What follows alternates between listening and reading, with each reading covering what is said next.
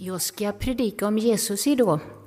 Men eh, när jag först fick den tanken så tänkte jag i nästa andetag, nej, det är inget lämpligt ämne. Därför att, vem är jag? Och predika om Jesus, jag kan ju inte göra honom rättvisa. Men så förstod jag att jag var på fel spår och eh, liksom kom till besinning. Nej, vad skulle jag annars predika om? Det får bli Jesus ändå. Och det ska jag göra. Men då tar jag kraft och stöd utifrån dagens bibelord som lyder Var frimodig och beslutsam, inte rädd och försagd. Eh, Jesus alltså. Det finns en sida hos Jesus som vi inte tänker på så mycket. Och jag kommer till den snart, men jag ska först ge lite bakgrundsinformation och så. Och så skulle jag vilja säga att ni kan kolla allt det jag säger, kan ni kolla upp i vilken av eh, evangelieböckerna som helst. Men jag rekommenderar Markus, därför att Markus är så kort. Bara 16 kapitel. Kort och koncist och fokuserat, inte en massa eh, släktregister, inte en massa gammaltestamentliga profetier, inte märkliga händelser och, och människoöden och inte en massa djupsinnigheter om vem Gud är och hans kärlek och hans väsen och så. Det får man hitta i Matteus, Lukas och Johannes. Men i Markus, där är det liksom bara kort och enkelt vad Jesus gjorde och vad han sa, vad han fick sagt och vad han fick gjort. Och i Markus börjar det med att Jesus blir döpt och så kommer det en röst från himlen. Du är min älskade son. Och där går startskottet. Kanske var det så att den där rösten var den definitiva bekräftelsen för Jesus att han verkligen var den som han visste och trodde att han var. Och nu så skulle det börja. Och Jesus han sticker först direkt ut i öknen, är där i 40 dagar och 40 nätter utan mat, ensam, bara i sällskap med de vilda djuren. Och så på slutet av dessa 40 dagar så kommer djävulen och han, hans syfte är att försöka få Jesus att svika sitt uppdrag. Men Jesus klarar detta. Han bemöter djävulen med bibelord och eh, djuren och ensamheten och hungern, det hanterar han också. Och så är han ute i samhället igen. Och så sätter han igång. I, han, han börjar med att skrapa ihop början till ett litet lärjungagäng. Och så drar han runt över hela Galileen från synagoga till synagoga. I Markus så börjar han i närmsta församling, vilket är Kapernaums synagoga. I Lukas är det en annan kronologi, men vi håller oss till Markus. De går till synagogan i Kapernaum och där kör han det programmet som han sedan upprepar vart han kommer. Han börjar med att presentera sig. Och bara det. Jag är den ni har väntat på. Tiden är inne. Guds rike är här och nu. Omvänd er. Tro evangelium. Och så predikar han och så helar han sjuka och så driver han ut onda andar. Och efter att hade gjort det så går Jesus hem till Petrus svärmor, för hon har ju inte kunnat följa med på mötet för hon har legat sjuk i feber. Och så helar han henne och efter den här händelsefulla dagen så är ingenting längre sig likt. Aldrig någonsin i evighet så får Jesus fortsätta med sitt stillsamma, anonyma och normala liv. Hela stan står utanför dörren. För de vill veta mer, de vill se Jesus, de vill ha problem, de vill bli helade och bli befriade. Och sen har inte Jesus och lärjungarna någon lugn stund. Vart de går så samlas folket i skaror. Och Jesus har ju faktiskt behov av att vara ensam någon gång, få be någon gång och dra sig undan. Men till och med när han har fått ett dödsbud av att hans nära vän och släkting Johannes döparen har blivit avrättad.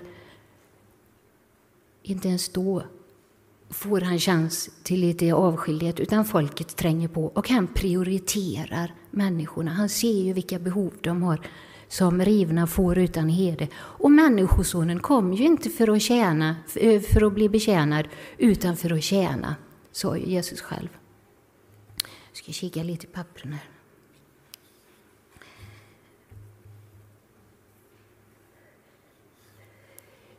Jesus tog ingen hänsyn till sina egna behov.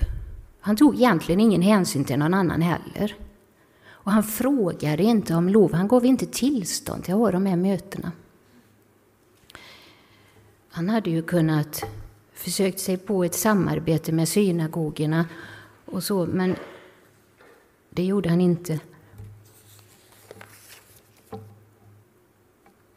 Och han sökte inga medarrangörer och satt inte i oändliga möten med andra aktörer och diskuterade och la upp planer, utan han bara körde på själv, kan man säga. Uppstod det konflikter så tog han det på plats.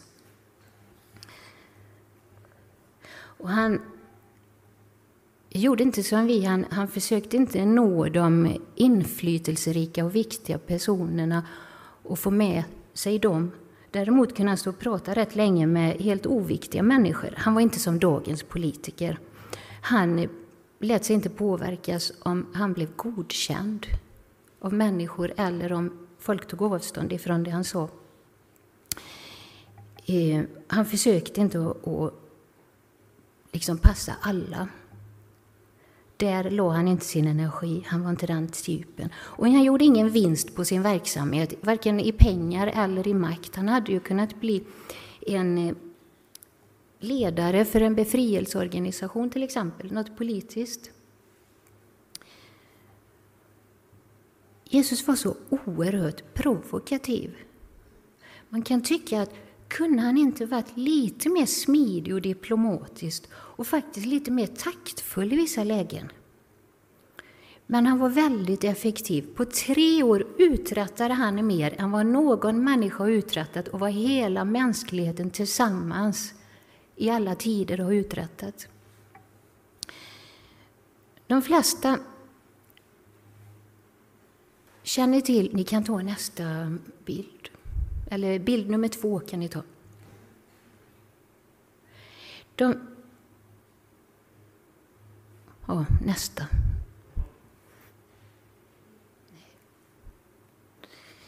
Långa citat.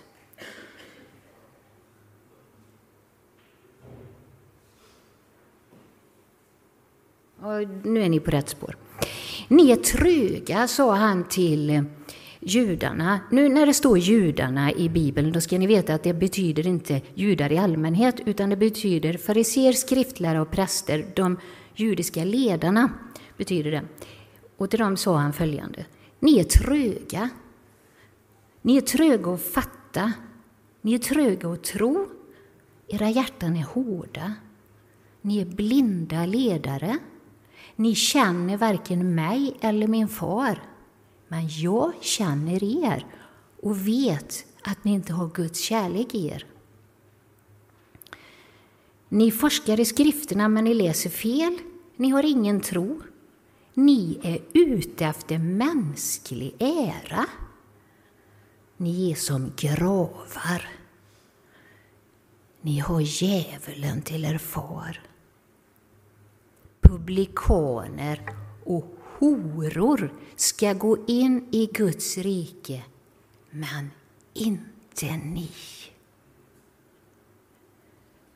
Tänk er nu att någon skrev så på Facebook. Om den personen överhuvudtaget skulle få ha kvar sitt konto. Man skulle i alla fall stängt ner kommentarsfältet. Och tänk er nu om Jesus kom hit, känd för sådana här yttranden, och sökte pastorstjänsten i Centrumkyrkan.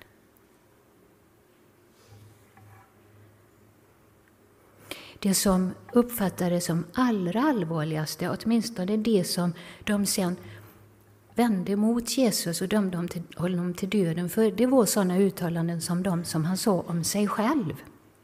Till exempel när de frågade honom Säg öppet om du är Messias.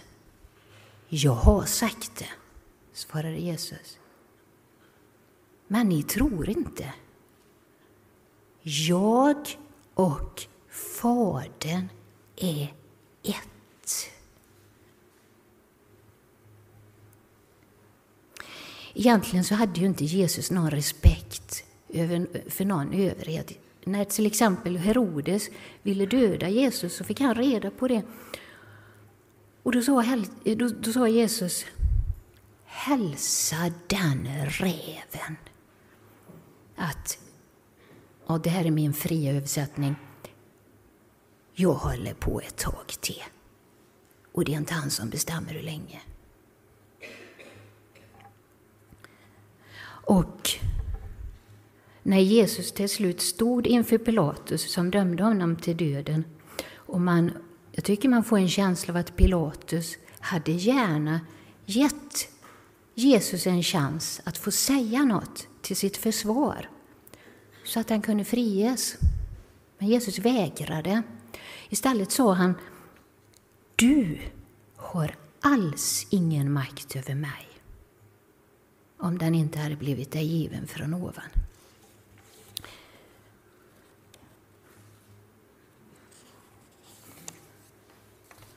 Sen är det ju ett missförstånd att Jesus alltid var så där snäll och vänlig och trevlig gentemot alla enkla, vanliga människor. Faktiskt inte alltid.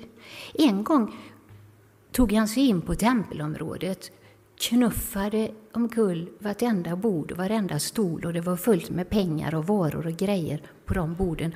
Och sen tog han ett, ett rep och använde det som ett en piska och drev ut alla försäljare och alla kunder.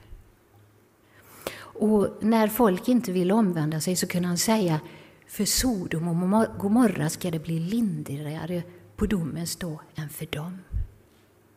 Och en gång när till exempel Petrus i all välmening försökte skydda Jesus mot Jesus egna planer på att dö så spände Jesus ögonen i Petrus och sa Försvinn, sa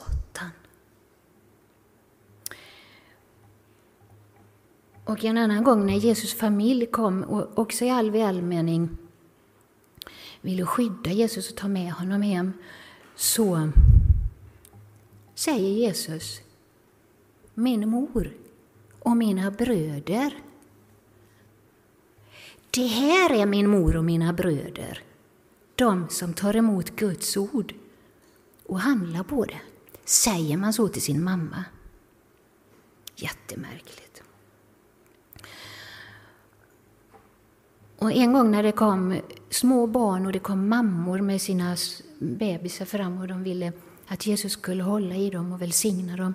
Men det blev kanske lite stökigt och lärjungarna försökte få bort barnen så står det i Bibeln att Jesus blev upprörd. Jag tror inte att han sa låt en barnen komma till mig. För så säger man inte när man blir upprörd. Jag tror att det lät lite mer som att hallå, ja men hindra dem inte. Om inte ni blir som dessa små föredömen så kommer ni aldrig in i Guds rike. Och en gång var Jesus i ett hus där det var en liten tjej på tolv år som precis hade dött. Och huset var fullt med grannar och vänner som var där och delade sorgen och sörjde tillsammans med familjen. Och i, i Israel då så sörjde man väl ganska högljutt. Och Jesus kommer och så säger han, vad skriker ni för? Och så drev han ut allesammans utom familjen. Och en gång var det en, som, en man som verkligen, verkligen ville följa Jesus. Men så bad han om att få gå hem först och begrava sin far.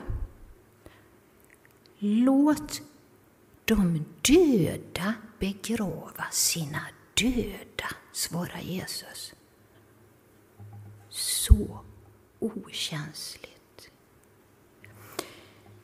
Och sen ett annat väldigt märkligt exempel det var när en förtvivlad kvinna kommer till Jesus med sin dotter, svårt plågad av en ond ande.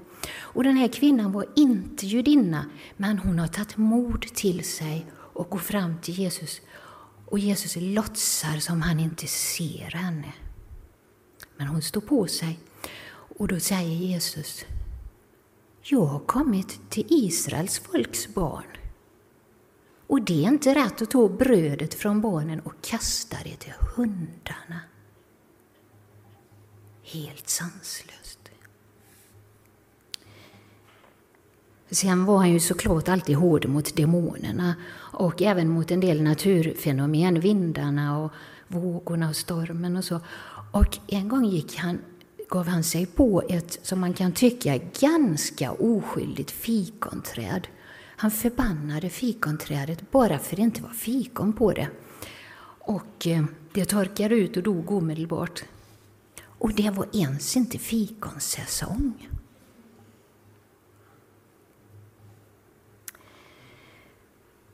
Jesus har all makt.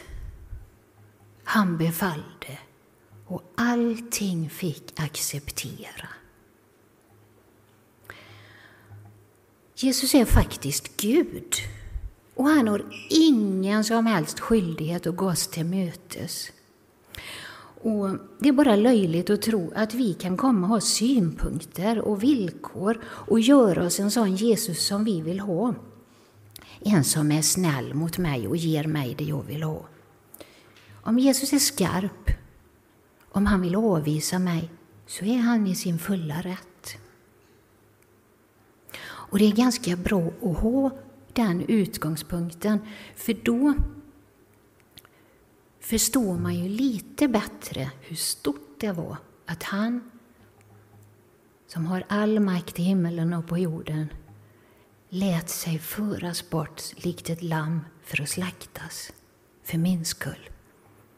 Och att han har tålamod med mig, fastän jag egentligen förtjänar många av de där hårda orden.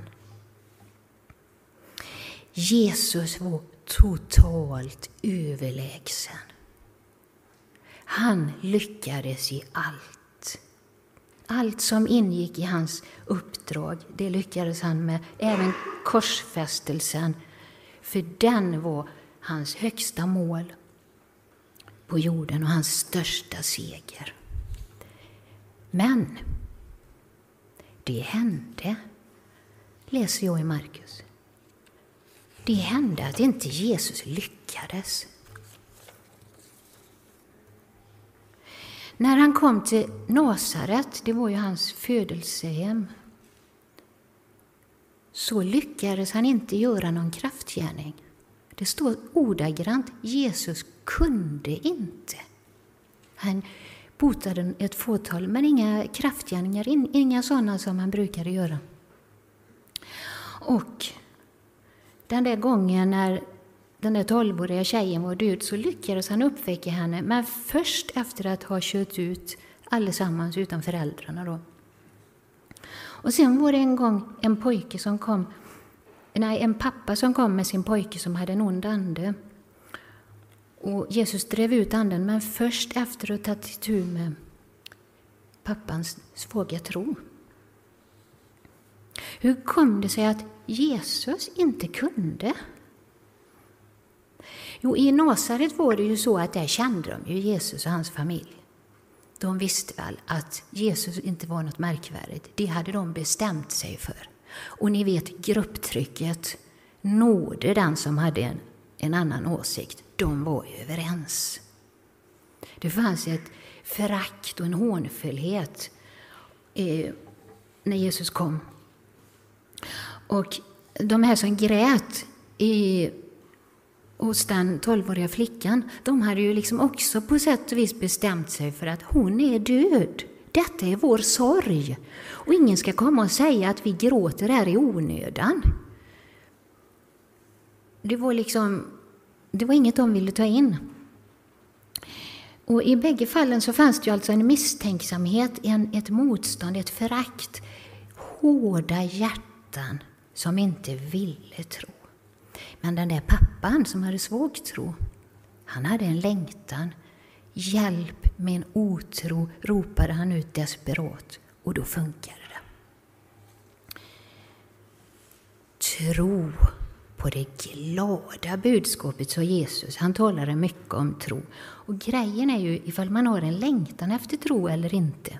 Om man har ett mjukt hjärta som är öppet eller om han har ett stängt hjärta. I så fall kan inte ens Jesus göra något.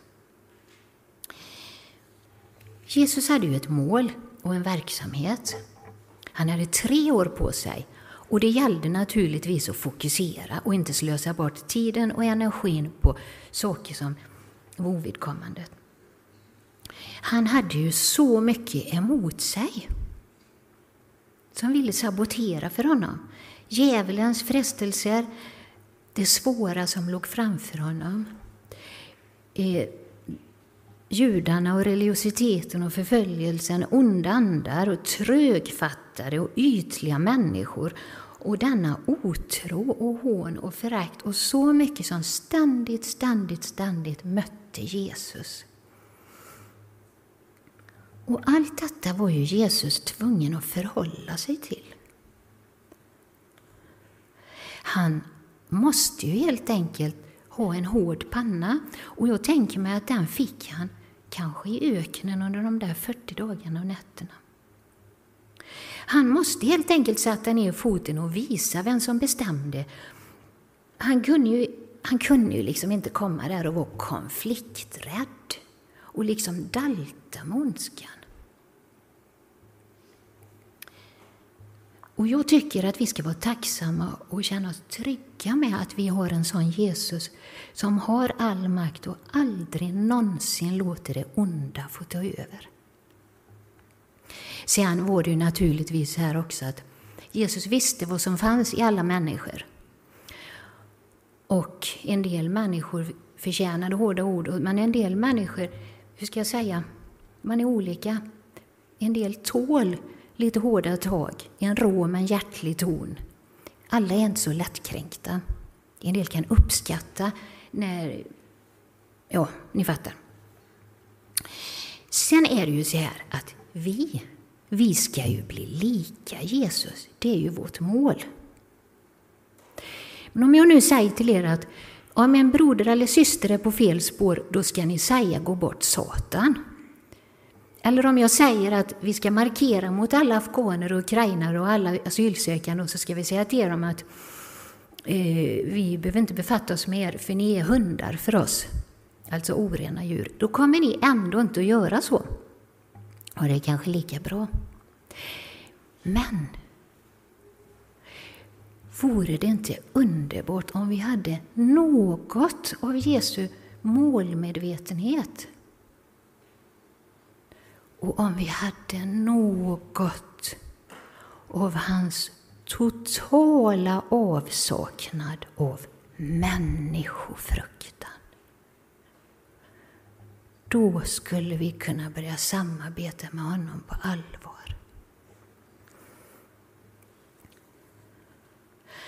Och eftersom vi också faktiskt har väldigt mycket emot oss, vi har fienden, vi har världen, vi har köttet och de där tre samarbetar väldigt bra.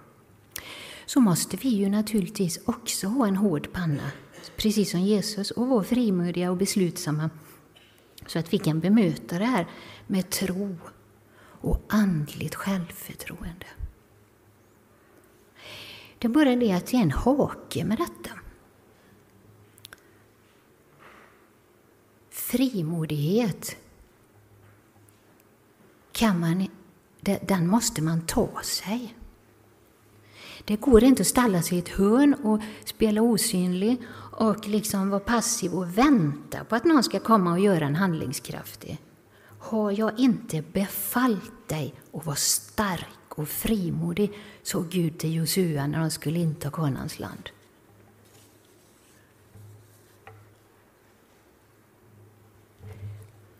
Förresten, vad är frimod egentligen? Ni kan visa den där bilden på om frimodighet, vad det betyder. Just det. På internet står det att det betyder att det är en person som är öppen, orädd och rättfram. Och i en ordbok eh, ja, en ordbok från 1800-talet. Där står det att en frimodig det är en person som utan fruktan yttrar sina tankar och följer sin övertygelse. Vilka underbara egenskaper! Nu hoppas jag att ingen tror att det gäller att vara rebellisk eller fräck eller något sånt där, eller dum. Men det är faktiskt något av civil olydnad som vi är kallade till. För det är meningen att vi ska kunna säga nej. Och det är meningen att vi ska våga bekänna vem vi tror på. Och det är meningen att vi ska övervinna en massa saker som vi får kämpa med annars och bli plågade av. Och sånt som vill få makt över oss. Jag vet en man han lever förmodligen inte längre. Men han vaknade en morgon och det var samma då som Vasaloppet skulle vara. Och den här mannen hade fixat skidor och anmält sig. Och han vaknade på morgonen och hade en känsla av att han skulle vinna. Och med denna känsla i kroppen tog han sig ut i spåret och gav järnet och körde över alla de andra i spåret, eller åtminstone körde om dem, och gick i mål som segrare. Därför att han hade varit på i någon slags tro på att eh, den där känslan kanske stämde. Detta var en så stor upplevelse för honom så att han blev troende. Och så började hans spännande kristna liv. Gud är fantasifull, han har humor, han är personlig i sin kallelse och han lönar han belönar frimodighet med stor lön. Det har vi svart på vitt i Bibeln. Frimodighet har med sig stor lön. Wow! Och så har jag ett vittnesbörd till. Detta hände för tio år sedan. Jag stod med en bok i min hand. Den här var precis nytryckt och jag insåg att den skulle få en viss spridning. Och i den där boken stod en massa dumma saker som jag hade skrivit i min ungdom utan att ja, det var liksom inte meningen att folk skulle läsa det. Och nu var det en bok. Och Gud hade gett mig tro på den här boken, men ändå så på darrande ben så gick jag till Klara kyrkan i Stockholm, för där hade de gratis förbön. Och jag ställde mig i kön och till slut fick jag prata med diakonissan Inga Pagreus, som säkert några av er känner till. Och så bad hon för mig eh, hon bad, eller så, jag minns inte om hon befallde eller proklamerade, men i alla fall att all den försagdhet i mig skulle ge vika i Jesu namn. Och jag liksom bara, jag hajade till eller vaknade upp eller vad man skulle säga. För jag hade ju gått där i mitt kristna liv och trott att ju svagare och räddare och ynkligare och mer försagd och, och, och, så som jag kunde göra mig, ju större var oddsen att Jesus skulle komma till mig och gripa in och göra något under så att allt skulle bli bra. Så dumt! Vilken villfarelse! Det är ju helt vansinnigt. Frimodighet är någonting man tar sig, det är en befallning. Ögonblick här.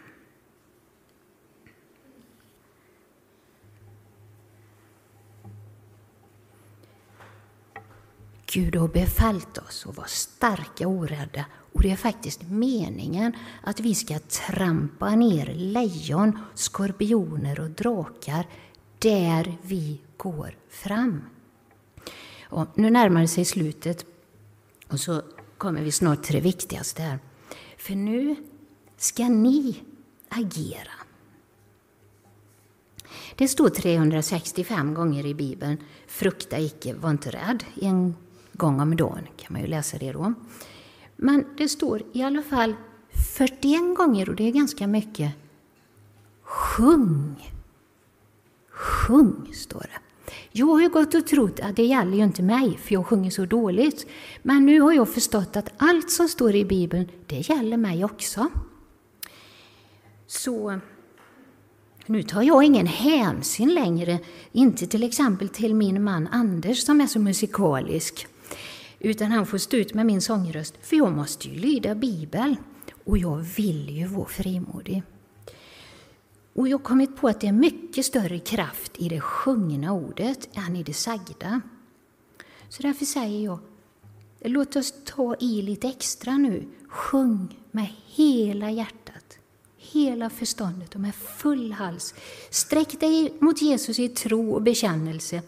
Det som är kamp och utmaningar i ditt liv, det måste ge sig när vi sjunger och med det bekänner vem vi tror på.